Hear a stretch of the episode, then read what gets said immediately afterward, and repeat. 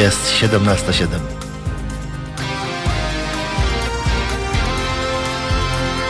Tu Halo Radio. Mówimy wszystko. Zaczynamy Halo Komentarze. Zaczynamy Halo Komentarze w czwartek, 4 lutego. Ja się nazywam Paweł Moskolewicz i jak zawsze słyszę się z Państwem w czwartek. Będę z Państwem do godziny 18.45. Do końca roku zostały nam 304 dni i jak zawsze na początku naszej audycji czas na życzenia imieninowe. A dzisiaj imieniny obchodzą Adrian, Adriana, Arkadiusz i Arkady, Eugeniusz, Jakubina, Kazimiera i Kazimierz, Leon, Leona, Leonard, Lucja, Lucjusz, Łucja, Natalia i Piotr. To w przypadku Piotrów, zapewne jedna z wielu imienin, tak czy inaczej wszystkim z Państwa, którzy dzisiaj obchodzą imieniny, składamy najserdeczniejsze życzenia wszystkiego dobrego, przede wszystkim zdrowia. A cóż zdarzyło się w historii w tym czasie? Proszę Państwa, w 1386 roku Władysław Jagiełło został koronowany na króla Polski. W 70 roku Zdzisław Marchwicki, zwany wampirem z Zagłębia, najsłynniejszy kryminalista, najsłynniejszy morderca PRL-u, zamordował w Siemianowicach Śląskich swoją ostatnią ofiarę. Zaś w 94 roku była premiera listy Schindlera w reżyserii Stevena Spielberga. Jeśli jesteśmy przy filmowych premierach, to jeszcze 2011 i premiera filmu Sala Samobójców w reżyserii Jada Komasy.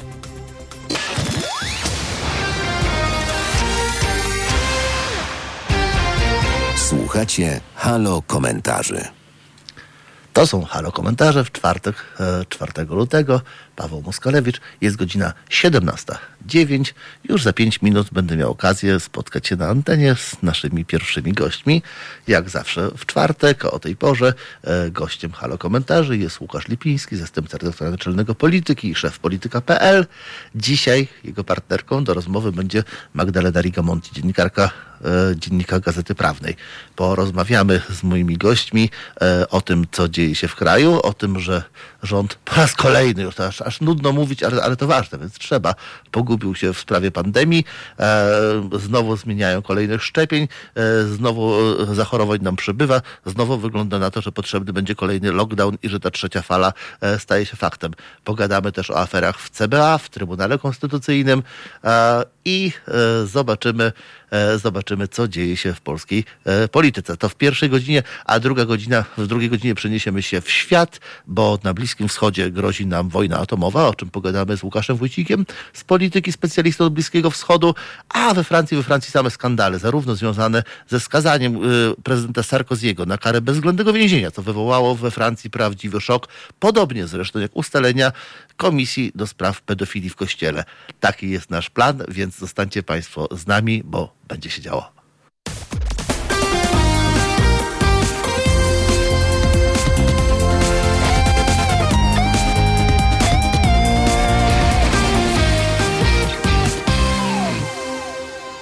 To są Halo Komentarze w Halo Radiu. Jest godzina dokładnie 17.15.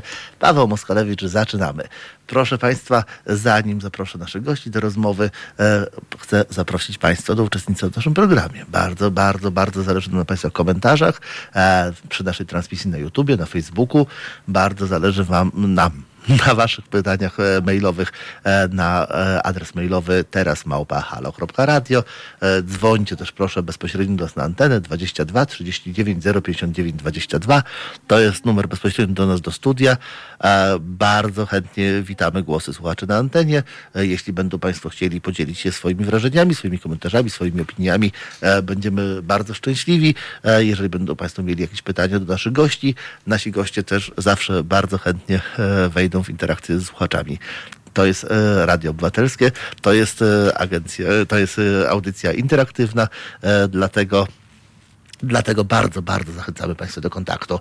E, mamy, e, mieliśmy, jak się okazuje, przez sekundę e, drobne kłopoty techniczne z połączeniem z naszymi gośćmi, ale już jest e, przy telefonie e, nasz pierwszy gość, e, czyli Magdalena Rigamonti, dziennikarka Dziennika Gazety Prawnej. E, witaj Magdo. Halo, halo. Dzień, dobry, dzień dobry Magdalena Rigamonti, witam Cię Paweł. E, Przepraszam, ale mamy, ja tu mam małe zamieszanie, bo nie odebrałam całego zamówienia, a jestem w drodze. E, rozumiem. Ale jestem. już jestem. Mamy, tak jak mówiłam, mogą być różne, mogą być różne e, przygody, ale mam nadzieję, że zaraz się z tego wykaraskam i już jestem. Do To jest, dyspozycji. to jest, proszę Państwa, e, absolutnie e, klasyka. E, dziennikarz, dziennikarz w drodze to jest prawdziwy dziennikarz, ponieważ nie da się, nie da się wszystkiego zrobić z zabiórka, nie da się wszystkiego zrobić z Warszawy. Jeżeli chcemy się czegoś dowiedzieć o tym, co naprawdę dzieje się w kraju, o tym, co naprawdę nas do, otacza, no to po prostu cóż, życie w drodze. Trzeba, trzeba wsiąść, trzeba jechać. Właśnie Magda Rigamonti wyruszyła, wyruszyła w drogę, żeby zapewne przygotować swoją, kolejną swoją rozmowę do dziennika Gazety Prawnej. Natomiast... Mogę tylko Państwu powiedzieć, że benzyna jest 5,15 na trasie, więc y, y, z minuty na minutę drożeje. Nie wiadomo, jak to się skończy. Masakra.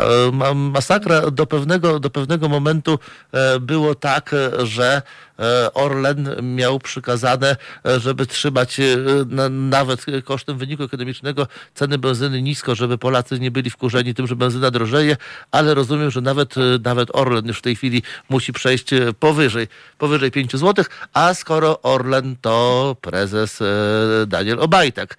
E, Jak myślisz, Magdo, czy po tym, e, po ostatnio ujawnionych przez Gazetę Wyborczą taśmach, po kolejnych nagraniach, na których jakby nie tylko problemem jest to, że prezes Obajtek klnie jak szewcy, być może to kwestia e, zespołu Tureta, być może czegoś innego, E, natomiast no przede wszystkim ponure jest to, ponure jest to, że okazuje się, że prezes Obajtek już jako wójt Pcima, jako samorządowiec po prostu zwyczajnie naruszał prawo, angażując się w działalność biznesową, w którą samorządowcy nie powinni się angażować. Ale cóż, nie, nie, nie, nie rozstrzygajmy nawet sprawy, czy prezes Obajtek jest winien. Natomiast mnie bardziej zastanawia, czy ta wschodząca gwiazda prawicy jakby gwałtownie spada i jest skończona, czy to tylko chwilowe kłopoty. E, Ja myślę, że musimy patrzeć na, na te taśmy opublikowane przez e, Gazetę Wyborczą e, historycznie i popatrzeć, co się wydarzyło z obozem rządzącym po różnych incydentach, po różnych skandalach, o których wielu i publicystów, i polityków opozycyjnych było przekonanych, że noga rządzącym się powinie, że to jest ten moment, kiedy trzeba będzie e, się ratować, kiedy trzeba będzie się tłumaczyć, kiedy mm, no, sytuacja e, polityczna, sytuacja na scenie politycznej może się zmienić. Przypominam e, całą wielką akcję ze spółką Srebrna i też taśmami opublikowanymi przez Romana Giertycha. Te taśmy opublikowane wówczas przez, Gazetę Wyborczą miały obalić rząd, miały mm, zachwiać pozycją prezesa Kaczyńskiego. Niestety, znaczy niestety, tak się nie stało. Okazało się, że to e, ani nie rusza e, polityków e, Prawa i Sprawiedliwości, ani nie rusza w posadach elektoratu PiSu, bo nie wiem, czy pamiętasz, wtedy sondaże w zasadzie nawet nie drgnęły.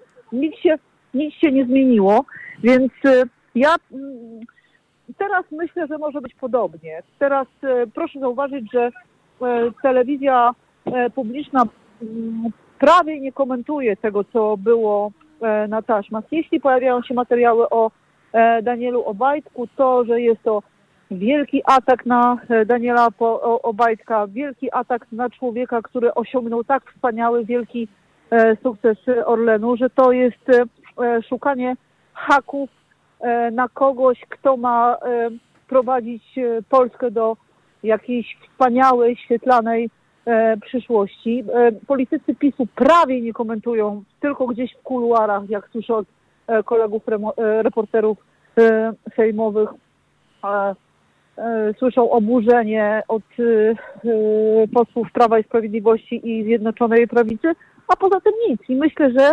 niestety nic się nie wydarzy, choć ewidentny konflikt interesów, ewidentnie złamanie e, prawa e, miało miejsce, no bo Daniel e, Obajtek będąc e, wójtem, dobrze mówię? Wójtem, tak, wójtem Pcimia. Wójtem, wójtem e, Pcimia e, kierował e, firmą, e, kierował, e, prowadził interesy, mówił co e, robić, jak, e, jak rządzić, jakie podejmować, podejmować decyzje, więc tutaj jest, e, to jest łamanie prawa i jeśli tak działał na takim małym pcimskim poletku, no to trzeba się zastanowić, jak działa na tym e, poletku ogólnopolskim. E, Musimy pamiętać, że e, kieruje e, największą spółką Skarbu e, Państwa, jest pasowany na e, premiera e, Polski, e, jest e, no, jakimś takim e, umiłowanym, wybranym, e, mm, niestykalnym e, przez Jarosława e, Kaczyńskiego. Proszę e, zauważyć, że mm, no, różne filmy, różne wspomnienia, różne zdjęcia wskazują na to, że Jarosław Kaczyński rzeczywiście pała ogromną sympatią, ogromnym zaufaniem do, do Daniela Obajtka i w jakiś sposób e, go sobie wybrał i, e, i namaścił. No zobaczymy, czy te, e, no nie wiem jakiego słowa użyć, czy plotki, czy informacje okażą się prawdziwe. Czy rzeczywiście Daniel Obajtek, prezes Daniel Obajtek e, zastąpi prezesa Rady Ministrów Mateusza e, Morawieckiego. Nie wiem, natomiast wracając jeszcze do Twojego pytania, myślę, że pozycja ani PiSu, ani em, prezesa Obajtka się po tych taśmach nie zachwieje. I dołączył do nas e, Łukasz Lipiński, tradycyjnie jak co czwartek Łukasz Lipiński, zastępca redaktora naczelnego tygodnika Polityka i szef polityka.pl. Witaj Łukaszu. Dzień dobry, witam serdecznie, przepraszam za opóźnienie lekkie. E, Żaden problem. Właśnie rozmawialiśmy z Magdą Rigamonti e, na temat perypetii prezesa Obajtka i zastanawialiśmy się, czy ujawnione przez Gazetę Wyborczą taśmy e, z nagraniami pana prezesa mogą jakoś zatrzymać jego błyskawiczną karierę polityczną. Nie wiem, od którego momentu miałeś okazję nas słyszeć. No, Magda, Magda, tak. Magda mówi, że raczej nic złego ani prezesowi Obajtkowi, ani, ani PiSowi się od tego nie stanie. A tam jakby mamy do czynienia nie tylko, nie, nie tylko z, z tym, że prezes Obajtek kl- klnie, nie tylko z tym, że prezes Obajtek nadużywa swojej pozycji e, samorządowca e, w działaniach czysto biznesowych, e, kiedy, kiedy absolutnie nie powinien się w nie angażować, ale nawet e, dzisiaj przeczytałem taką, ta, taką informację, że prezes e, Obajtek również e, Orlen w, każdym, w każdym wymiarze traktuje jako swój prywatny folwark, bo nie tylko wykonuje e, polityczne zlecenia PiSu, nie wiem, e, e, e, ratując i wykupując ruch, e, czy przejmując regionalne gazety Polska Pressę, ale też e, na przykład e, o- okazuje się, e, że na fotelu prezesa Lotosu, jakiś czas temu wchłoniętego e, przez Orlen, e, spółki, e, niegdyś potężnej spółki paliwowej, na której czele przez wiele lat stał znakomity menedżer Paweł Olechnowicz, e, nagle zasiadła e, pani księgowa niewielkiej firmy ze wsi Stróże, której, jak rozumiem, podstawową kwalifikacją jest to, że jest lojalna wobec e, Daniela Obajtka. Czy rzeczywiście myślisz, Łukasz, jest tak, że Obajtek ma tak mocną pozycję, e, e, także u prezesa Kaczyńskiego, że może sobie pozwolić na wszystko i nic go nie rusza? Ja trochę nie, nie rozumiem i nie wierzę w to. Znaczy, wprost przeciwnie, y, Daniel Obajtek dlatego był taki użyteczny i jest nadal taki użyteczny, że w zasadzie specjalnej pozycji nie ma. Został wydźwignięty z, z pozycji wójta Pcimia najpierw na prezesa e, energii, potem na prezesa Orlenu. Jest w pełni zależny od swoich politycznych zleceniodawców. Jeżeli ci polityczni zleceniodawcy zechcieliby się od niego odwrócić, no zostałby w sensie politycznym i biznesowym nikim. Więc e, to w tym sensie i dlatego on jest cenny, bo, e, bo jest, e, że tak powiem, tak łatwo zdmuchiwalny z tego swojego stanowiska. I szczerze mówiąc, e, ja e, uważam, że e, teraz jesteśmy na etapie, kiedy, e, e, kiedy partia powiedziała do Obajtka broń się i on się broni. Teraz będą patrzeć i obserwować, na ile on się obroni. Jeśli się, e, jeśli się e, obroni, to w tym Orlenie zostanie. Jeśli się nie obroni, z tego Orlenu wyleci. A e, te wszystkie plotki dotyczące jego politycznej kariery, znaczy po pierwsze, no one dotyczyły jakiejś odległej przyszłości. Ja specjalnie nie byłem im skłonny wierzyć w tej chwili. Ja uważam, że można je odłożyć od kalendarz Greka. To znaczy premiera Obajtka mieć nie będziemy.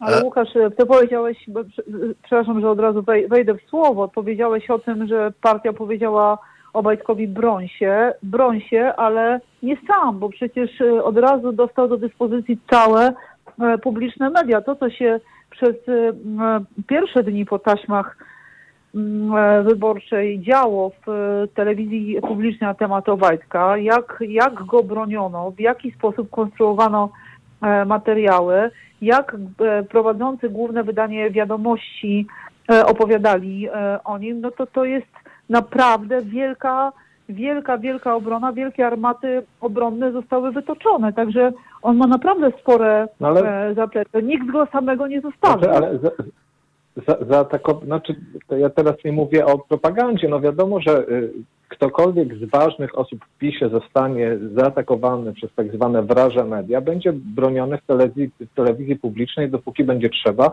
Jeszcze osoba, która no, y, została wywindowana na tak wysoką pozycję, czyli na szefa największej firmy w regionie, prawda? Nie tylko w Polsce. Orlen jest w tej chwili największą firmą w Europie Środkowo-Wschodniej, czy jedną z w każdym razie. Wydaje mi się, że w naszym regionie wciąż pozostaje największa. E, w związku z tym w związku z tym oczywiście, że, że go trzeba bronić, ale ja myślę, że jeśli będzie trzeba poświęcić Obajtka, to się go poświęci bez mrugnięcia okiem. Nie takie osoby poświęcano po drodze. Kuchciński, Szydło. Oczywiście nie zrobi się tego w samym środku kryzysu i w momencie, kiedy on jest atakowany w Gazecie Wyborczej. Nie, odczeka się 3-4 miesiące, a potem się okaże, że y, pojawi się jakaś nowa gwiazda, y, która nie będzie miała całego tego zaplecza. No, nie, ja sobie nie wyobrażam, żeby y, żeby PiS szedł do wyborów, tak? bo mówimy, że on e, miałby być, mówiło się o tym, e, że miałby być premierem na drugą część kadencji, no to wyobraźmy sobie teraz, że zaczyna się kampania wyborcza i w co drugim i w co drugim spocie opozycji w trakcie tej kampanii słyszymy fragmenty dialogów pana, no i co, pana i prezesa z różnymi, z różnymi wyrazami. Elektorat, Szczerze mówiąc, Szczerze mówiąc, Polacy są, Polacy są, jeśli o to chodzi, nie, jeśli o to chodzi, Polacy są bardzo dużymi hipokrytami. To samo było, to samo było z taśmami publikowanymi e, e, w, w czasach Platformy, tak zwaną aferą taśmową. Znaczy, generalnie przecież e, żadnych nieprawidłowości nie udało się tam znaleźć, natomiast jak to, jak to potem, potem mówiono, no, Platforma poległa, poległa przez Także ja szczerze mówiąc jestem skłonny nawet dokonać jakiegoś zakładu, że premiera Obajtka nie będzie. A jeżeli mówisz, że Platforma poległa przez styl, to ja przypomnę też, że był to mniej więcej e, podobny... tak podob... się mówiło, tak się nie, mówiło. Ale nie, mówię, że był to mniej więcej podobny moment, jak w, tej, jak w tej chwili jest PiS, mniej więcej ten sam plus minus, ten sam okres rządzenia. To znaczy już przy ogólnym zmęczeniu e, ten, powtarzającymi się kadencjami Platformy, teraz powtarzającymi się kadencjami PiSu, e, pewnie ten zmęczony elektorat może zwracać uwagę na takie rzeczy również, jak styl. Natomiast ja kiedy wspomnę tak, Magda, jeszcze sekundeczkę. E, tylko cie, cie, ciekawe, jak powiedzieliście o wiadomościach i o tym, jak, jak prezenterzy głównego wydania wiadomości bronili Obajtka, to mi się natychmiast przypomniało, e, kiedy e, główny prezenter głównego wydania wiadomości kilka tygodni temu prowadził imprezę Człowieka Wolności tygodnika sieci, którą to nagrodę w tym roku otrzymał prezes Obajtek i gdzie porównywano go po prostu do polskiego, polskiego Napoleona. Ja wtedy wyobrażałem sobie, że to jest jakieś takie namaszczenie e, na, ten, na, wielką i ważną figurę w tym, w tym obozie prawicy. Natomiast, e, natomiast w tej chwili jakby sytuacja się diametralnie, diametralnie zmieniła. Za chwilę wrócimy do naszej rozmowy. E, gośćmi komentarzy w Halo Radio są Magdalena Rigomonti i Łukasz Lipiński. Słuchacie Halo Komentarzy. To są Halo Komentarze w Halo Radio, jest godzina 17.31. Z nami są Magdalena, Magdalena Ricomonty z Dziennika Gazety Prawnej, Łukasz Lipiński z Polityki i przed naszą krótką przerwą e, Magda chciała się odnieść do naszej rozmowy, także Magdo, teraz masz głos. Ja tylko chciałam powiedzieć, do, odnieść się do tego, co powiedział Łukasz. Pra, platforma poległa e, za styl, to było 6 lat temu. Drodzy panowie, y, inny elektorat, a y, dla elektoratu e, Prawa i Sprawiedliwości Daniel Obajtek może być po prostu swoim chłopem, swoim chłopem, który przeklnie jak trzeba, który jak się na coś nie godzi, jak mu się coś nie, nie, nie podoba, to powyzywa od e, ch i k i, i, i może to elektoratowi PiSu po prostu nie przeszkadzać. Myślę, że na to liczy Jarosław Kaczyński, że to się rozejdzie po kościach, że, że ludzie nie będą y, o tym wspominać, a jak mówisz o e, tych spotach reklamowych, spotach e, kampanijnych za jakiś czas, no to, to znowu wróci. A to on, swój chłop, swój chłop. Myślę, że nie będzie dla większości hmm. wyborców ja tylko... problemu. To ja się tylko odniosę do dwóch rzeczy. Po pierwsze odniosę się do tego, co powiedział Paweł.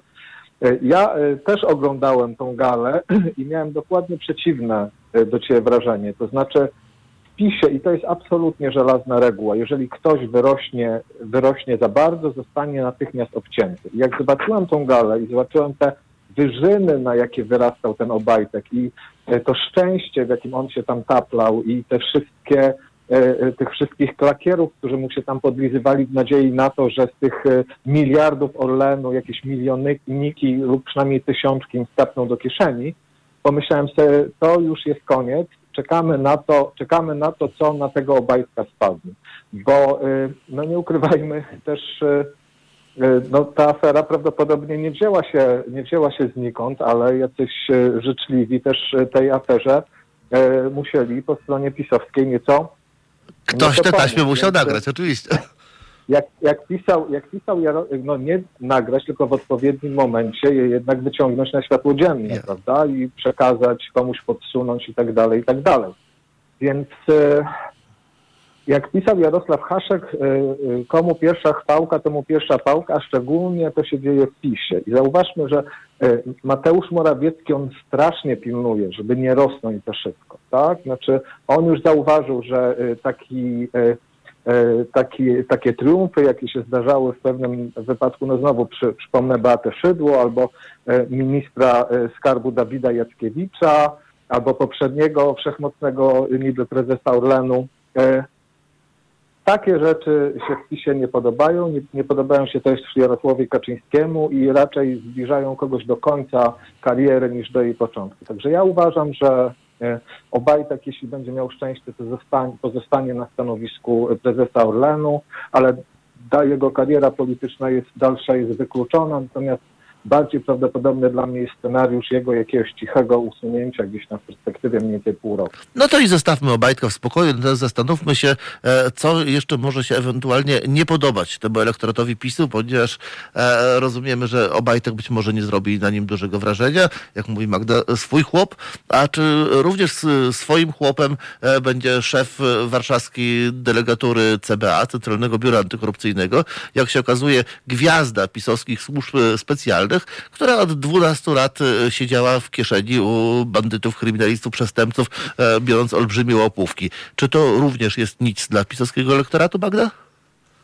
Nie, nie, tutaj tu bym tak nie bagatelizowała. Ja jeszcze wrócę na chwilę do Obajtka, chociaż chcieliście koniecznie zamknąć ten temat. Ja myślę, że w tej kwestii jeszcze po, po, e, warto myśleć i warto mówić, warto się zastanawiać, warto grzebać, warto sprawdzać tak zwane e, pozamerytoryczne e, względy. E, jaka jest relacja między e, Danielem Obajtkiem a Jarosławem e, Kaczyńskim, z jakiego powodu on został wyciągnięty i rozdmuchany do tak wysokiego stanowiska, kto za tym stoi, czy ktoś z ludzi Jarosława Kaczyńskiego, czy sam Jarosław Kaczyński.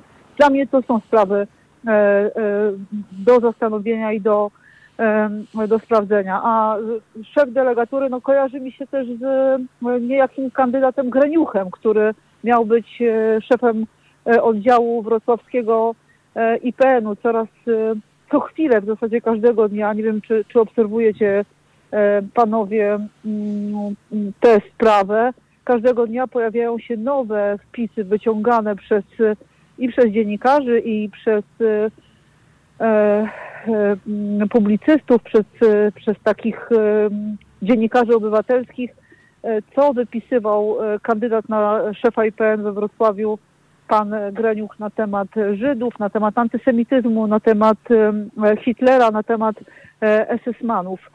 On został utrącony, ale po oczywiście wielkich bojach i długich bojach, podobnie może być tutaj w tej kwestii szefa delegatury CBA. No to faszysta, to kryminalista. Myślisz, Łukasz, że no to właśnie. nie zaboli PiSu? Znaczy, ja bym tutaj jakby dwie rzeczy chciał, e, chciał trochę od siebie odróżnić i trochę zniuansować. To znaczy, Pierwsza kwestia to jest, y, y, rozmawiamy o tym, co się elektoratowi PiSu spodoba, a co się elektoratowi PiSu nie spodoba.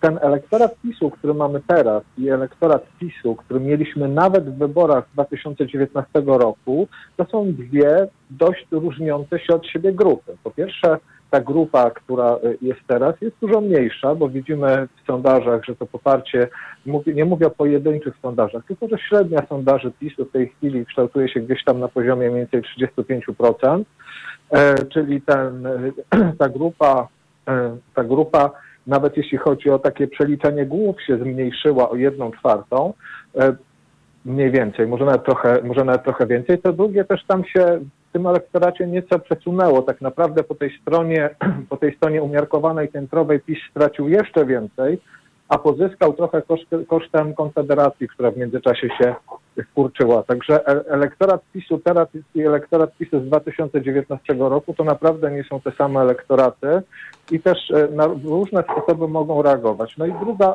druga kwestia to jest taka, że oczywiście jesteśmy pod wrażeniem tego, że te wszystkie afery spływają, e, spływają po PiS jak po kaczce, natomiast zawsze jest kwestia takiego momentu, tak? I było wiele wiele partii, które wydawały się bardzo odporne na afery przez bardzo długi czas, a jednak w którymś momencie przychodzi takie zmęczenie materiału i na tej półce się zbiera tyle tych różnych historii, że to ma wpływ na, na jej poparcie. Także też bym do końca nie deprecjonował tych, y, tych spraw. Jeśli chodzi o samą tą kwestię związaną z TBA, to tutaj za mało ją znam, żeby móc się wypowiadać. Natomiast e, jest jeszcze kolejna sprawa, która e, elektoratowi PiSu i nie PiSu, e, myślę, może się nie spodobać. Powstało kolejne zamieszanie w procesie szczepionkowym. Wiadomo od dłuższego czasu oczywiście, że te dostawy przez koncerny farmaceutyczne są zmniejszone. Natomiast wygląda na to, że rząd po raz kolejny zupełnie się pogubił. To znaczy są wysyłane sprzeczne komunikaty. To znaczy chociażby kilka dni temu widziałem, jak z jednej strony profesor Horban, czyli jak rozumiem główny doradca rządu w kwestii procesu szczepionkowego mówi, że należy tą kolejnych szczepień e, zupełnie, zupełnie odwrócić. E, dwie godziny później minister Niedzielski mówi, że to w ogóle nieprawda i że przyjęta koncepcja jest słuszna. Następnego dnia się z tego wycofuje. Też ministrowie poszczególni e, raz mówią o tym, że trzeba jak najszybciej wysłać dzieci do szkoły, by się z tego, by się z tego następnie wycofać. A cóż, a zakażeń po prostu zwyczajnie, zwyczajnie przybywa i nie tylko nie opanowaliśmy epidemii, pandemii, ale jesteśmy znowu e, w jakimś kolejnym gorszym okresie. E, wielu mówi po prostu o trzeciej, o trzeciej fali. I to jest pytanie po pierwsze, czy to jest kolejna rzecz, która może e, zaszkodzić temu rządowi, a po drugie, już no, tak naprawdę bardziej praktycznie, czy wydaje wam się, że oni są rzeczywiście kompletnie jakby bezradni, jak, jak pijane dzieci we mgle? Czy Polska na tle chociażby innych krajów radzi sobie lepiej, gorzej, podobnie? Magda? Ja bym chciała zacząć e, tę część wypowiedzi od e, profesora Horbana. To jest e, człowiek, który jest naczelnym lekarzem odpowiadającym za choroby zakaźne w Polsce. To on kontroluje to wszystko, co się dzieje z koronawirusem w Polsce, ale też z innymi zakaźnymi chorobami. To on ściśle współpracuje z ministrem Niedzielskim i z premierem Morawieckim i jest, to jest od połowy zeszłego roku, jeśli e, dobrze pamiętam. Ja czekam, aż e, ktoś z kolegów, chyba że się sama to zabiorę, e, zrobi takie zestawienie wypowiedzi pana profesora Horbana na temat koronawirusa, na temat pandemii, na temat zarazy i zaraźliwości tej, tej zarazy. I wtedy przekonamy się, jak one są wzajemnie wykluczające się, jak one są całkowicie sprzeczne ze sobą. Nie tak dawno profesor Horban powiedział mi, pani redaktor, dzieci nie zarażają koronawirusem. Po czym okazało się, że jednak zarażają. I profesor Holban o tym wiedział, że zarażają, ale na potrzeby, no nie wiem, propagandy, bo to było zaraz po tym, jak dzieci e, klasy 1-3 zostały z powrotem przywrócone e, do szkół. E, czy tak się umówił z ministrem Czarnkiem, czy tak się umówił z premierem Morawieckim, że będzie plutł te farmazony, że dzieci nie zarażają i są, są bezpieczne. Tymczasem zarażają nie tak dawno, e, e, nie tak dawno e, mówił o maseczkach, że wszyscy, wszyscy przedsiębiorcy, którzy tracą z powodu pandemii, powinni się przerzucić na produkcję maseczek. Nie tak dawno, kilka miesięcy temu, mówił o tym, że bardzo opłacalna jest produkcja przyłbic.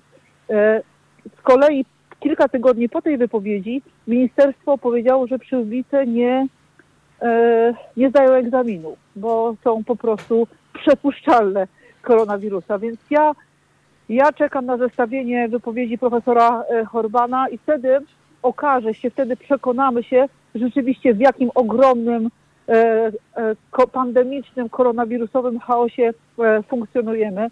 Ten chaos można przełożyć na to, co się dzieje ze szczepionkami w naszym kraju. To, że ludzie musieli jeździć kilkadziesiąt, niektórzy byli kierowani nawet kilkaset kilometrów od miejsca zamieszkania. Mówię tu o osobach po 70 e, roku życia. To było tak naprawdę skandaliczne. Teraz ta, to zamieszanie z dostawą szczepionek, to chyba z dzisiaj, Paweł, prawda? Popraw mnie, jeśli się mylę, z dostawą szczepionek AstraZeneca, że jednak nie będzie ich tyle, ile e, być powinno, jakie było Tak, e, będzie, będzie, będzie o kilkadziesiąt tysięcy mniej. Łukasz, a twoim zdaniem rząd jest wyłącznie odpowiedzialny za ten chaos?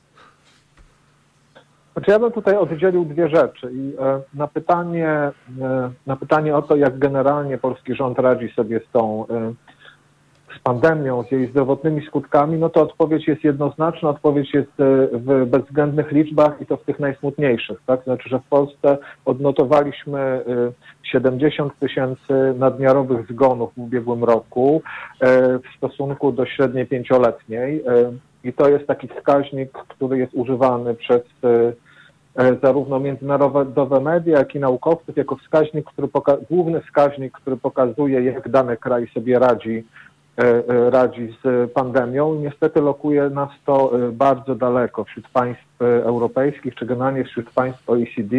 E, Jedynym państwem, w którym sytuacja jest gorsza, jest Bułgaria.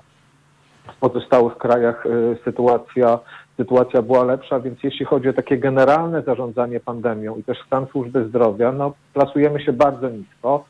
E, I e, no, szczególnym e, takim momentem, w którym doszło do załamania tego ca- całego systemu był listopad, który chciałem przypomnieć, był takim momentem, kiedy Polska Służba Zdrowia się załamała, a chorzy na koronawirusa nie byli przyjmowani do szpitalów, umierali w domu lub w karetkach, które stały pod szpitalem, więc warto jest to przypominać za każdym razem.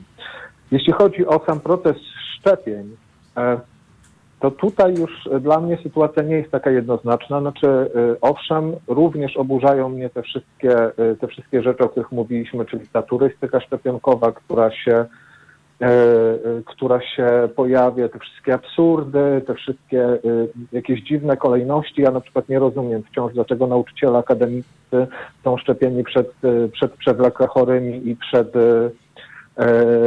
przed przewlekle chorymi i przed osobami e, powyżej 65 roku życia na przykład. E, To dla mnie jest e, kolejna taka wylobbowana decyzja z punktu widzenia zarządzania e, kolejnością szczepień, no nie mająca żadnej logiki. Natomiast jeśli chodzi o samą liczbę szczepień, to jednak e, e, utrzymuje się ona Polsce na y, całkiem przyzwoitym poziomie, jednym z lepszych europejskich. Mamy bodajże 3,6 miliona ludzi szczepioną pierwszą dawką, milion mniej szczepioną, szczepionych drugą. Więc jeśli chodzi o generalne tempo szczepień, to tutaj, to tutaj akurat temu rządowi specjalnych y, zarzutów nie można czynić. Zresztą oni sobie zdawali wcześniej sprawę, że te szczepionki są jakby dla nich kluczowe i że jeżeli to zawalą, te- tempo szczepienia, no to y, jakby y, to, to, to może być taka ostateczna rzecz, która przekreśli ich szanse na, e, na, jakby na jakąś pozytywną ocenę zarządzania tą, tą pandemią. I tu Tak, musimy postawić- wszystkich błędach i absurdach, to tempo nie jest najgorsze. I tu musimy postawić kropkę. Bardzo Wam dziękuję za spotkanie, za rozmowę, za, za te komentarze. Gośćmi Halo Komentarzy w Halo Radio byli dzisiaj Magdalena Rigamonti z Dziennika Gazety Prawnej i Łukasz Lipiński z Polityki. Wam bardzo dziękuję, a Państwo zostańcie z nami.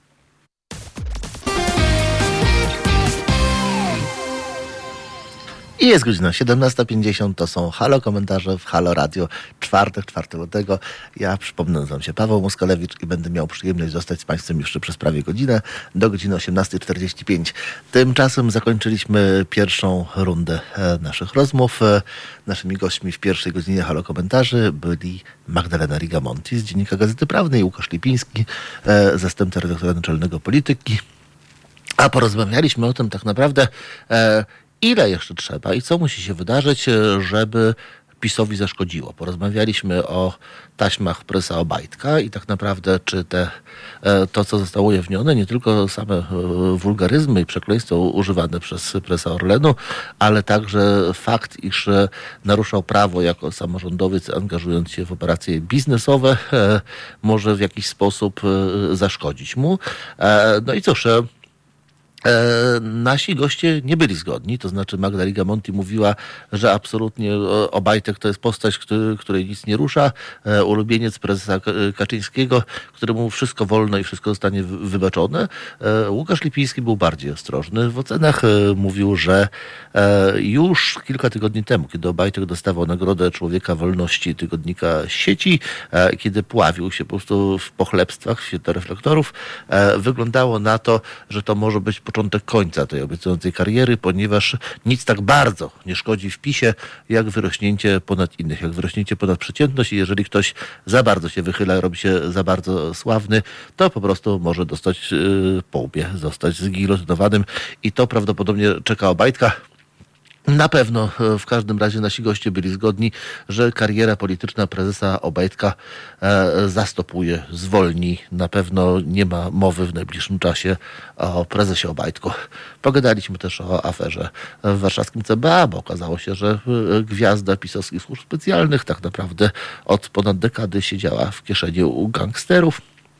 E, pogadaliśmy o kolejnym zamieszaniu wokół szczepionkowym.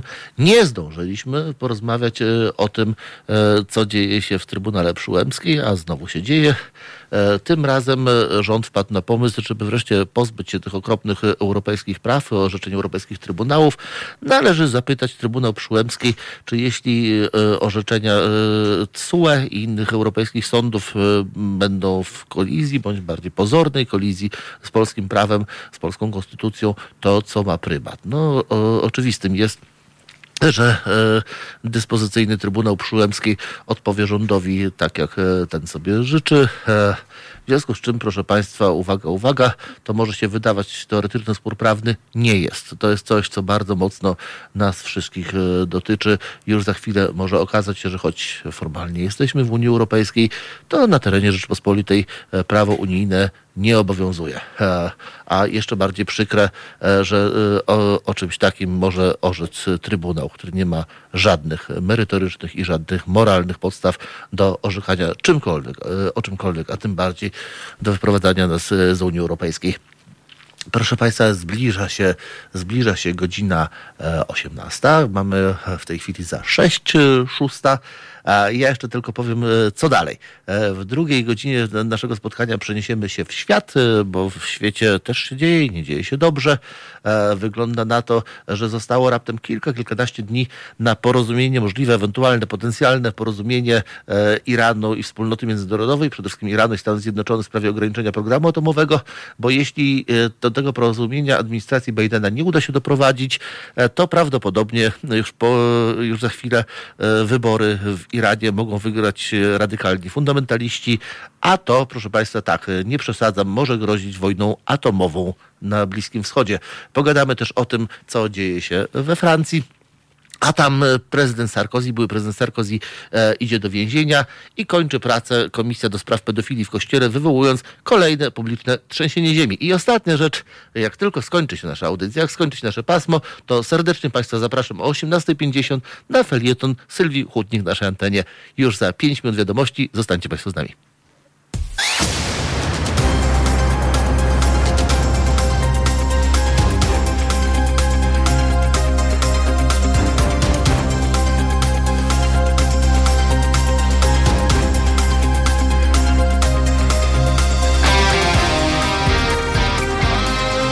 Jest 18.07.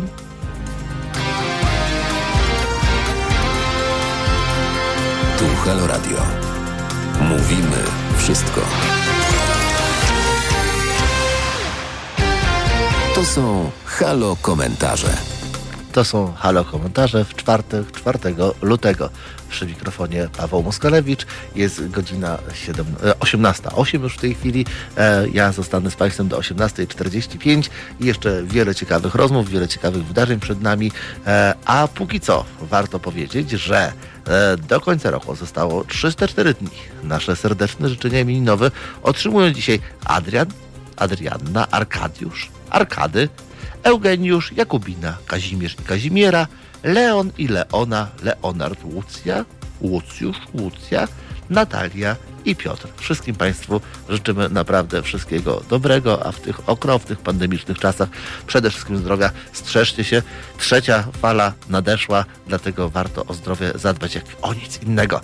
E, Kartka z historii. E, nie będę Państwu opowiadał długo. E, warto tylko zaznaczyć, e, że pół wieku temu Zdzisław Marchwiński, znany, zwany y, wampirem z Zagłębia, najsłynniejszy kryminalista, seryjny morderca PRL-u, y, zamordował w Siemianowicach Śląskich swoją ostatnią ofiarę. Potem został schwytany i skazany na śmierć. To są Halo Komentarze. A w halo komentarzach, tym razem już 18.09. E, czy to oznacza, że za 6 minut spotkamy się z naszym pierwszym gościem w tej godzinie, a będzie nim e, Łukasz Wójcik, e, zastępca szefa działu zagranicznego tygodnika Polityka. I z Łukaszem porozmawiamy o wydarzeniach groźnych, nadchodzących. Proszę Państwa, dawno nie słyszeliśmy o Iranie, dawno nie słyszeliśmy o konfliktach irańsko-amerykańskich, a okazuje się, że na Bliskim Wschodzie wrze. Bo w Iranie już za chwilę wybory. E, Irańczycy są potwornie wkurzeni tym, że chociaż oni ograniczyli w znacznej mierze swój program atomowy, to Amerykanie nie tylko nie znieśli sankcji, ale zerwali z nimi wszelkie rozmowy na temat tego programu atomowego, a potem przy pomocy Izraela e, zastrzeli im kolejnego ważnego przedstawiciela reżimu. Wcześniej jednego z najważniejszych generałów, potem najważniejszego irańskiego fizyka nuklearnego. Jeżeli tak zwanym reformatorom, czy też powiedzmy umiarkowanym ayatollahom nie uda się szybko e, osiągnąć jakiegoś porozumienia, które przełoży się na odczuwalną poprawę e, życia Irańczyków, a jednocześnie nie będzie specjalnie naruszało e, irańskiej dumy, to mają szansę utrzymania przy władzy. Jeśli nie, do władzy dojdą radykałowie i jak to napisał wczoraj Łukasz w polityce, może dojść do zupełnie najgorszych, niewyobrażalnych scenariuszy, dojdą do władzy radykałowie, to wtedy oni też nie będą chcieli gadać, tylko być może będą chcieli na przykład rzucić bombę atomową na Izrael. E, także y, dzieje się strasznie, a czy ten scenariusz jest prawdopodobny? Już za 4 minuty rozmawiamy z Łukaszem Wójcikiem. Tu Halo Radio. Mówimy wszystko. Jest godzina 18.16. Paweł Moskowicz w mikrofonie. Czwartek, 4 lutego to jest druga godzina halo komentarzy. Teraz e, z kraju przenosimy się w świat, a jak przenosimy się w świat, to przy naszym e, telefonie Łukasz Wójcik, e, wiceszef działu zagranicznego tygodnika Polityka. Witaj Łukaszu. Dzień dobry. E, Łukasz, napisałeś e, e, tekst ostatnio na polityce, który wzbudził moje ogromne najpierw zaciekawienie, a potem zaniepokojenie, ponieważ zaczyna się, że zostało raptem kilka tygodni na dogadanie się Stanów Zjednoczonych z Iranem w kwestii ograniczenia programu atomowego, a potem jak dalej zagląda się do twojego tekstu, to konkluzja jest taka, że jeśli się nie dogadamy, to możliwa jest wojna. Czy także wojna atomowa. Powiedz, co tam się dzieje? To znaczy, no, z tą wojną atomową to nie przesadzajmy, natomiast rzeczywiście otworzyło się takie okno możliwości politycznej dotyczącej jakiegoś porozumienia z Iranem. Ja przypomnę, że mm, takie porozumienie nuklearne z Iranem zawarł mm, poprzednik Donalda Trumpa, Barack Obama, w 2015 roku. To nie wchodząc w szczegóły, ono generalnie polegało na tym, że w zamian za e, zamrożenie programu nuklearnego, który w latach e, poprzednich bardzo intensywnie Irańczycy rozbudowywali. E, świat zachodni, e, Europa, Stany Zjednoczone będą stopniowo zdejmowały sankcje z Iranu, przywracały kontakty handlowe i pozwolą tym samym na, na szybszy rozwój gospodarczy Iranu. To był element większego planu, nie tylko Baracka Obamy, ale w ogóle środowiska demokratycznego w Stanach Zjednoczonych, żeby w końcu wyjście z Bliskiego Wschodu. To znaczy, żeby utworzyć tam taki układ sił e, bez agresywnego Iranu, który pozwoliłby z czystym sumieniem, o ile można mówić w ogóle w polityce zagranicznej o czystym sumieniu, pozwoliłby Amerykanom wyjść mm, z tego, e, z tego Bliskiego Wschodu. Jak wiemy, poprzednia administracja amerykańska, czyli Donald Trump i jego ludzie, mieli zupełnie inny na ten temat pogląd. wyprowadzili Stany Zjednoczone z tego porozumienia nuklearnego e, i wprowadzili tak zwaną politykę maksymalnej presji. To znaczy Trump wychodził z założenia, że jest dokręcenie śruby, jeśli chodzi o sankcje, spowoduje, że Iran e, z podkulonym ogonem wróci do Amerykanów i poprosi o jeszcze korzystniejszą dla Amerykanów umowę, w której zrzeknie się programu nuklearnego, a nawet, o czym mówili niektórzy ludzie Trumpa, no zrzeknie się agresywnej polityki zagranicznej, cokolwiek to miałoby znaczyć. E, no to się oczywiście nie udało. To znaczy skończyło się to, e, miało to swoją konsekwencję w ogromnym kryzysie gospodarczym w, w, w Iranie i, i, takim kryzysie władzy w ogóle w Iranie. E, natomiast to, o czym, od czego zacząłem, to znaczy to okno do władzy w Białym Domie wrócili demokraci. E, Joe Biden był jednym z głównych e, animatorów tego porozumienia z 2015 roku. No i jakby próbuje teraz kontynuować, czy też w kampanii zapowiedział kontynuację tej polityki zbliżenia z Iranem, no, który miał, o który miał też, który miałby, które to zbliżenie miałoby szersze konsekwencje dla regionu. A okno, i, to, i tym, w tym sensie nominacja e, Bidena otwiera to okno, czy otworzyło Ale że to, wejdę ci słowo, bo właśnie, bo te negocjacje trwają od lat, a ty jakby e, uderzyłeś w taki nawet nieco alarmistyczny ton, że jeśli nie dogadają się przez kilka tygodni, to się nie dogadają. Y, to znaczy, no, negocjacje formalnie zakończyły się w 2015 roku. Problem polegał na tym, że trzy lata później, czyli w 2018, Donald Trump wycofał Stany Zjednoczone z tej umowy, co de facto ją uśmierciło, po, ponieważ Amerykanie przywracając sankcje na Iran, no jakby zabrały Irańczykom jakiekolwiek korzyści z tej umowy, przede wszystkim gospodarcze, bo oczywiście mamy tutaj, trzeba pamiętać, że stroną tej umowy były też mocarstwa europejskie, ale z punktu widzenia gospodarczego, e, kiedy to Amerykanie blokują, zablokowali de facto handel ropą naftową irańską, no to to, że Amerykanie się z tej umowy wycofali, jakby uśmierciło tą umowę. I teraz to okno, to, miało, to, jest taka możliwość kilkutygodniowa, jak mi się zdaje, powiem dlaczego później, e, w którym, w, którym, w którym to oknie Amerykanie mogliby jakoś do tej umowy powrócić. Być może na nieco innych zasadach, no ale do tej, ale jakby przywrócić tą ideę tego, że poprzez zbliżenie gospodarcze, otwarcie e, e, Iranu na świat gospodarcze, zniesienie sankcji, a przy okazji zamrożenie programu nuklearnego, no że w jaki sposób to y, do, docelowo miałoby złagodzić y, polityk, politykę zagraniczną Iranu, co swoją drogą uważam za dość y, przebiegły pomysł i być może nawet mógł, mógłby się okazać skuteczny, gdyby Stany Zjednoczone za Trumpa podtrzymały tą politykę. No i teraz okno się otworzyło do powrotu do tej umowy. Okno wraz z nominacją Bidena. Powiedzmy Łukaszu naszym słuchaczom, czemu zegar tyka? Czemu tylko kilka tygodni? No, tyka, tyka dlatego, że w czerwcu w, w Iranie są wybory prezydenckie. Tam, przypomnę, kończy się druga kadencja prezydenta, prezydenta Hassana Rohaniego, który jak na irańskie warunki jest uważany za polityka umiarkowanego i mimo wszystko skłonnego do porozumienia z Zachodem. I e, sytuacja wygląda w ten sposób, że mm, jeśli Amerykanie w tym, w tym czasie nie dokonają jakiegoś ruchu zdejmującego sankcje, które przywrócił e, Donald, Donald Trump. Jeśli to zdjęcie sankcji nie, nie będzie skutkowało nie, zauważalną poprawą sytuacji gospodarczej w Iranie, no to Has, Hassan Rouhani, czyli ten odchodzący prezydent ten, tego obozu, można by powiedzieć, bardziej umiarkowanego, no będzie obciążony tym, że ta umowa z Amerykanami to jednak była naiwność, że nie trzeba było zamrażać tego e, programu nuklearnego. To są, ja teraz pokazuję argumenty drugiej strony, czyli tego obozu bardziej konserwatywnego, który na dzisiaj, z dzisiejszej perspektywy ma większe szanse na wygraną. No i moja konkluzja jest taka, że to okno się zamknie, jeśli w tych wyborach czerwcowych wygra yy, przedstawiciel tego tak zwanego konserwatywnego, pryncypialnego obozu w Iranie.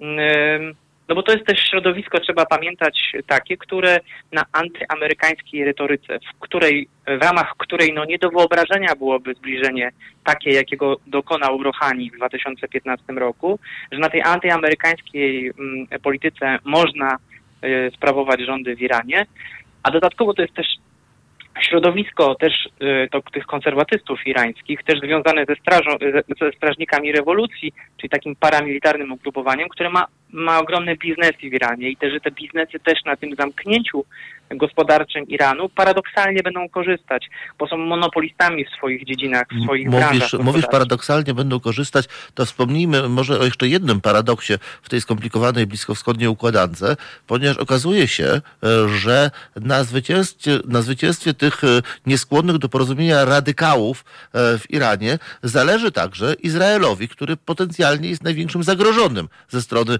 agresywnej polityki Iranu. To dlaczego Izrael chce, żeby tam wygrywali radykałowie? To znaczy, no, Izrael oczywiście nie mówi tego wprost, ale pomyślmy o tej układance, o której mówiłem na początku, o, tym, o tej wielkiej idei demok demokratów Baracka Obamy, a teraz też Bidena, to znaczy idei takiej, że ten, o, ten region trzeba w końcu zostawić samemu sobie.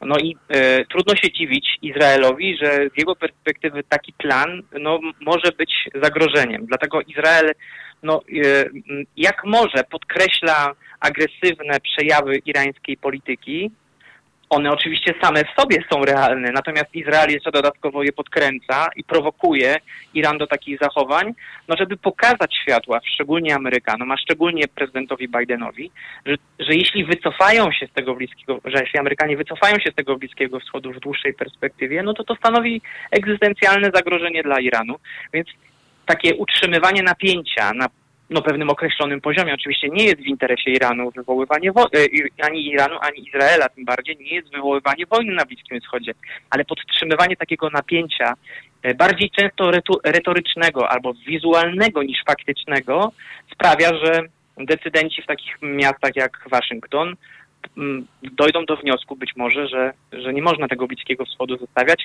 W tym kontekście nie można Izraela też zostawiać sam na sam z, z, Izra z, z Iranem. No i w tym sensie tutaj jest ten styk wspólnych interesów i e, paradoksalnie znów, tak jak podkreśliłeś, wspólnych interesów e, Izraela i tych konserwatywnych kręgów e, w Iranie, chociaż tak jak mówię, obu stronom prawdopodobnie, no to, to, znaczy, no dzisiaj to słowo, słowo wojna to jest ogromne, to jest wielkie słowo, natomiast tym, tym stronom raczej nie chodzi o wywołanie wojny, tylko o utrzymanie pewnego stanu, którym mamy ten agresywny Iran i przed którym trzeba Izrael bronić. To na koniec jeszcze mam takie pytanie, e, ponieważ e, ja rozumiem, że zniesienie amerykańskich sankcji by się mogło w jakiś bezpośredni sposób e, przełożyć na poprawę życia przeciętnych Irańczyków, że poprawiłoby się, nie wiem, zaopatrzenie w sklepach, że poprawiłaby się być może w perspektywie ogólna zamożność, że prostym Irańczykom, zwykłym ludziom żyłoby się lepiej. Z drugiej strony Amerykanie za czasów kadencji Trumpa ostatnio dwukrotnie, wydaje się, potężnie upokorzyli Iran naruszyli jego dumę narodową, najpierw mordując uwielbianego generała Sulejmaniego, a niespełna rok później głównego fizyka jądrowego Iranu Fakhri Zadeha. Jedno i drugie wywołało gigantyczne manifestacje w Iranie i seanse nienawiści wobec wielkiego szatana, czyli Stanów Zjednoczonych. Czy w tej chwili jakby Ruchani i jego ekipa nie stracą, układając się z wielkim szatanem? To znaczy, no, Irańczycy myślę, że dobrze rozpoznają, te, znaczy są, do, dobrze już rozpoznali te różnice w interesach prawej i lewej, czy też tej demokratycznej i republikańskiej stronie w Stanach Zjednoczonych. Szczególnie ta ostatnia administracja Donalda Trumpa, no ewidentnie była podporządkowana, e, znaczy patrzyła przez na Bliski Wschód i, i, e, oczami izraelskimi. Bardzo dużo ludzi wokół Trumpa to byli ludzie związani z Izraelem. Jego e, zięć to był człowiek, który miał świetnie, świetne kontakty z Izraelem i w tym sensie ta pozycja Izraela, czy bezpieczeństwo Izraela było dla tamtej poprzedniej e, e, administracji no, czymś nadrzędnym.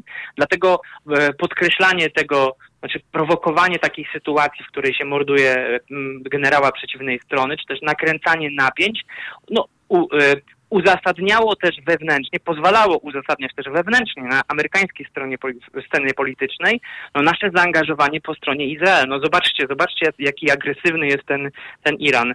Wzbudzanie m, takich nacjonalistycznych e, znaczy on, one oczywiście też naturalnie występują w Iranie, to znaczy takich antyizraelskich, antyzachodnich nastrojów, ale ich pod, podkręcanie takimi właśnie zamachami no, służyło temu tej idei uzasadniania stania po stronie Izraela w takich konfliktach regionalnych. No a widać, ale, ale, ale Irańczycy też sobie zdają sprawę, że nowa administracja to jest zupełnie w dużym stopniu nowe spojrzenie na, na, na Bliski Wschód i e, no, jak mówisz, to, to mówimy o politykach, natomiast problem polega na tym, żeby ci politycy mogli też swoim wyborcom, irańskim wyborcom wytłumaczyć, słuchajcie, jednak to porozumienie z Amerykanami może nam przynieść e, porozumienie z Amerykanami, ale też szerzej z Zachodem w sensie nuklearnym, tą, o tej, tej umowy nuklearnej, że może nam przynieść konkretne korzyści gospodarcze. No tylko y, muszą się te, te, te, te korzyści jakoś zrealizować w najbliższych tygodniach, albo przynajmniej zostać zapowiedziane, żeby ten obóz bardziej umiarkowany mógł wskazać, no słuchajcie, ta nasza polityka wobec Stanów Zjednoczonych, zawarcie umowy nuklearnej 6 lat temu, przyniosła, przynosi jednak konkretne rezultaty. No jeśli się nie uda, no to prawdopodobnie to będzie potężny argument za tym, żeby to jakiś przedstawiciel obozu konserwatywnego w Iranie yy, wygrał te czerwcowe wybory. E, bardzo Ci dziękuję za ten komentarz. Myślę, że bardzo rozjaśniłaś e, sytuację. E, gościem Halo Komentarzy w Halo Radio był Łukasz Wójcik z Tygodnika Polityka. Bardzo Ci dziękuję, Łukaszu, a my wracamy dziękuję. do Państwa już za chwilkę. Słuchacie Halo Komentarzy. Słuchacie Halo Komentarzy, to jest czwartek, 4 lutego, jest 18.31. Paweł Moskalewicz, jeszcze będę z Państwem przez kwadrans, a zanim zaczniemy rozmowę z naszym ostatnim gościem, e, chciałbym tradycyjnie, jak co tydzień e, pod koniec naszej audycji, serdecznie podziękować tym z Państwa, którzy wspierają Halo Radio. E, pani Hannie ze Świebodzic, pani Elizie z Mielca, panu Wojciechowi z Lublina, pani Sylwii z Gdańska, panu Ziemowitowi z Piotrkowa Trybunalskiego, panu Andrzejowi ze Skawiny, panu Leszkowi ze Staszowa, panu Jackowi z Warszawy, pani Ewie z Oleśnicy, pani Elinie z Olsztyna i wielu, wielu innym, wszystkim z Państwa, którzy rozumiecie, że nie da się robić radia za darmo, że potrzebujemy pieniędzy, żeby móc dla Państwa przygotować najciekawsze tematy, zapraszać najciekawszych gości, po prostu, żeby to radio nadawało. Potrzebne są nam minimalne środki i bardzo, bardzo Państwu serdecznie dziękujemy za każdą wpłatę. A teraz przechodzimy do rozmowy z ostatnim już y, dzisiaj naszym gościem. E, to będzie kącik francuski, a skoro Francja, to nie może być na naszej antenie nikt inny niż Marek Ostrowski z polityki, publicysta, wybitny znawca tematyki francuskiej. Witam cię Marku. Mm, dobry wieczór. E, Marku, dwie, e, dwie, dwie sprawy. Powiedziałem kącik francuski, bo, bo nie, nie chcę się ograniczyć do jednego tematu, ponieważ w tej chwili opinię publiczną we Francji rozgrzewają e, aż, aż, aż dwa tematy. Zacznijmy może od prezydenta Sarkoziego, byłego prezydenta Francji, jednego z najpotężniejszych ludzi kraju, Europy, świata niegdyś, a dziś skazańca, który ma trafić za kraty. Francja, rozumiem, osłupiała, kiedy paryski Trybunał Karny powiedział, że prezydent prezydent Sarkozy e, zostaje skazany na karę bezwzględnego pozbawienia wolności. Tak, no to jest rzeczywiście zadziwiające. E, nawet dla Francji, już nie mówię o Polsce, prawda?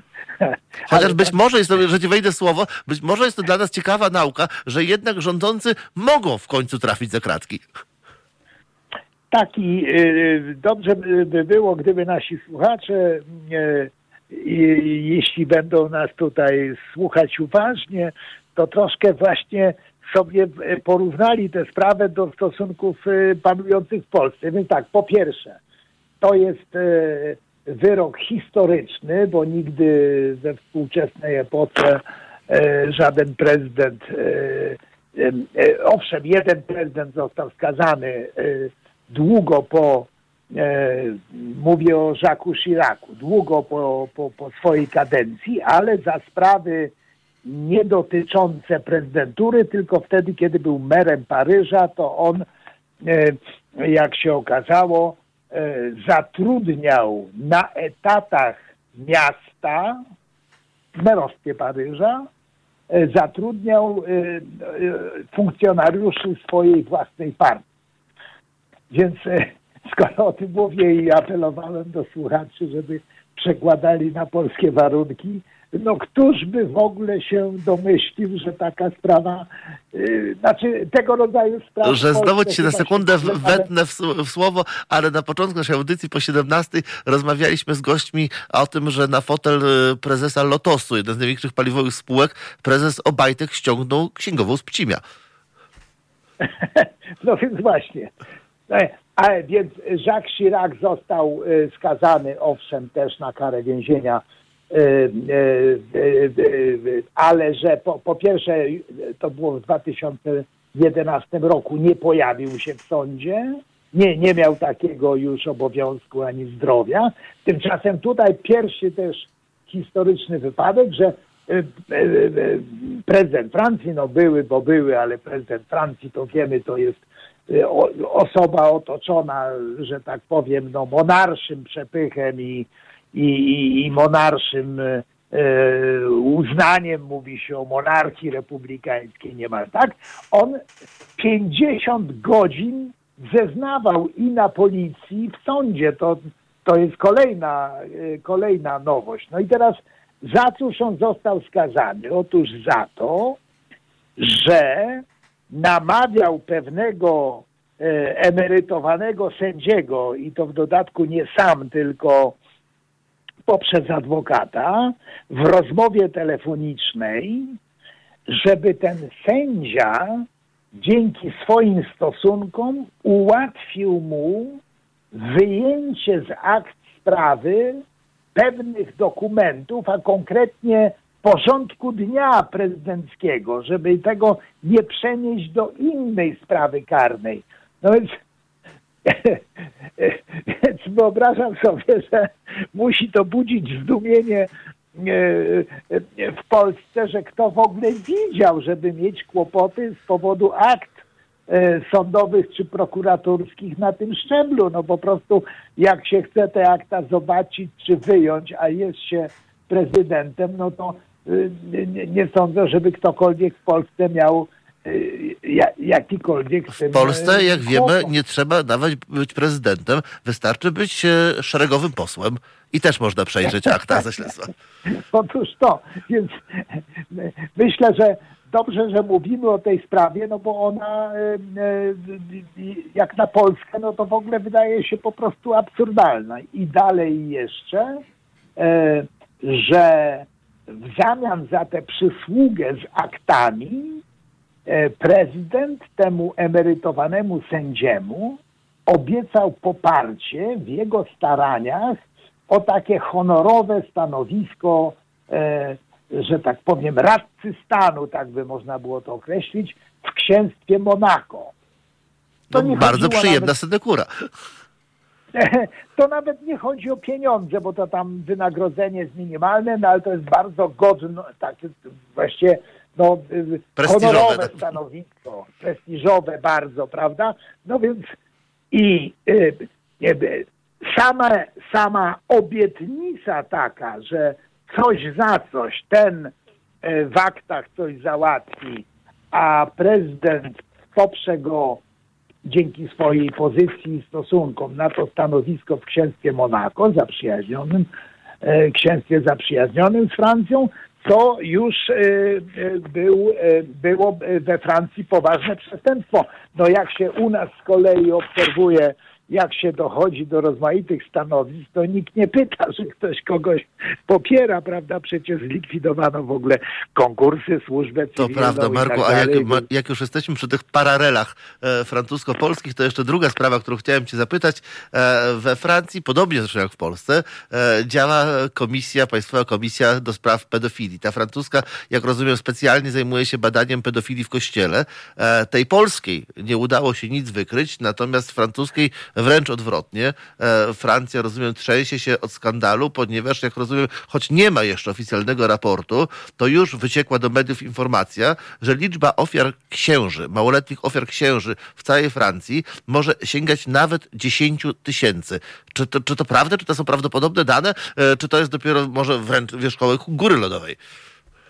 Na- To jest y, być może nawet y, więcej niż 10 tysięcy, dlatego że przewodniczący e, tej komisji na konferencji prasowej przedwczoraj bodaj o to zapytany, no powiedział, e, no ale e, czy ja wiem, jaka liczba w gruncie rzeczy się zgłosiła ofiar, czy o których wiadomo, czy to jest 25%, czy 10%, czy 5%, czy jeszcze mniej. Więc jeżeli się więcej osób zgłosi, to może i ta liczba przekroczy 10 tysięcy. Ale ważne jest, co ta komisja zrobiła. Ta komisja składająca się z 20 osób, w tym nie ma ani żadnego księdza, ani żadnej zakonnicy, ani żadnego zakonnika, ona e, po pierwsze przesłuchała 6500 osób. O, Polskie się udało 100 osób. I, I druga sprawa, ogłosiła taką ankietę, e, zwracając się do wszystkich Francuzów w całym kraju, żeby się zgłaszali e, e, i, i uzyskała na to środki. I jeszcze powiedziałbym, że kolejna różnica, uzyskała dostęp do akt wszystkich trzydziestu kilku diecezji francuskich, nieskrępowany, nikt jej tego nie prze, nie, nikt jej w tym nie przeszkadzał i również do akt e, oczywiście policyjnych. Ale to z polskiego punktu widzenia kolejna szokująca informacja, ponieważ prokuratura e, konsekwentnie od lat, jeżeli nawet podejmuje jakieś śledztwo w kwestii pedofilii w polskim kościele, to rozbija sobie nos o to, że biskup mówi, że on nie pokaże tajnych dokumentów, e, bo one są tajne i one są kościelne, a jeżeli jakiś prokurator się zbyt natarczywie domaga, to okazuje się, że te dokumenty już dawno są w Watykanie i nie ma żadnego sposobu, żeby je zobaczyć. Więc jeśli mówisz, że wszystkie francuskie diecezje po prostu grzecznie udostępniły swoje, swoje dokumenty, to ja jestem w szoku. To ja w ogóle jakby e, nie jestem pewien, czy mówimy o tym samym kościele katolickim. No właśnie, tylko pamiętajmy też, że kolejna różnica, że to jest e, e, we Francji komisja składająca się z 20 osób. Ona jest powołana z inicjatywy organizacji kościelnych, to znaczy konferencji francuskich biskupów i e, e, e, zrzeszenia kongregacji wszystkich zakonnic i zakonników. I przewodniczący tej komisji, Jean-Marc Sauvé, on się chyba nazywa, tak, zaznaczył, że Kościół nie robił mu żadnych najmniejszych trudności, co więcej, jak on przedstawił y, wydatki, y, spodziewane wydatki, 3,5 miliona euro, y, Kościół bez szemrania te wydatki pokrył. Ja mam dobrze rozumieć, że za działanie komisji badającej pedofilię w Kościele, która wyciągnęła te wszystkie skandale, płaci Kościół? Tak, tak. Płaci Kościół. Kościół się chce w tej sprawie oczyścić no i decyduje się na taką ogromną spowiedź. Co z niej wyniknie, jeden Pan Bóg wie. A to jest e, niesamowite. To znaczy, kiedy ja składam e, e, razem jakby te dwie historie, o których nam powiedziałeś, to znaczy zarówno skazanie prezydenta Sarkoziego i powody dla których został skazany, jak również tą historię o tej e, komisji badającej pedofilię, e, to e, ja, ja widzę i myślę, że nasi słuchacze te, też, te, też widzą i przecierają oczy ze zdumienia, jak ogromna jednak mimo wszystko jest ta różnica standardów w życiu publicznym pomiędzy Polską a Francją. Też masz taką obserwację? No tak, to się, to się, to się rzuca w oczy, prawda, jak tylko, jak tylko poskrobać. Tam we Francji, co więcej, już zapadła decyzja o tym, że Kościół będzie płacił e, ofiarom jakieś datki pieniężne. E, jest spór o to, co to ma być. To się na razie nazywa jakaś zryczałtowana suma, bo biskupi chcą uniknąć e, słowa czy pojęcia odszkodowanie czy zadośćuczynienie, dlatego że w każdym razie nie przystali na to, żeby e, wina indywidualna e, sprawców, księży, czy zakonników, czy zakonnic e, oznaczała automatycznie odpowiedzialność instytucjonalną, czyli w jakimś sensie zbiorową. Ta sprawa budzi wśród, wśród biskupów kontrowersje, i ona nie została jeszcze rozstrzygnięta, ale to, że będą wypłacane jakieś formy, no mówię, nie nazywane odszkodowaniem, ale jakiejś formy świadczeń pieniężnych, to już jest też przesądzone. Bardzo Ci, Marku, dziękuję za ten komentarz. E, Gościem e, czwartkowych Halo Komentarzy był Marek Ostrowski, komentator, publicysta Tygodnika Polityka. E, Bardzo, Marku, dziękuję. I Dziękuję kończymy, bardzo. kończymy nasz program, ale jeszcze mam dla Państwa zaproszenie. Już o 19 spotka się z Państwem Adam Bysiek, który jest w studio i teraz szybko powie, o czym będzie z Państwem rozmawiał.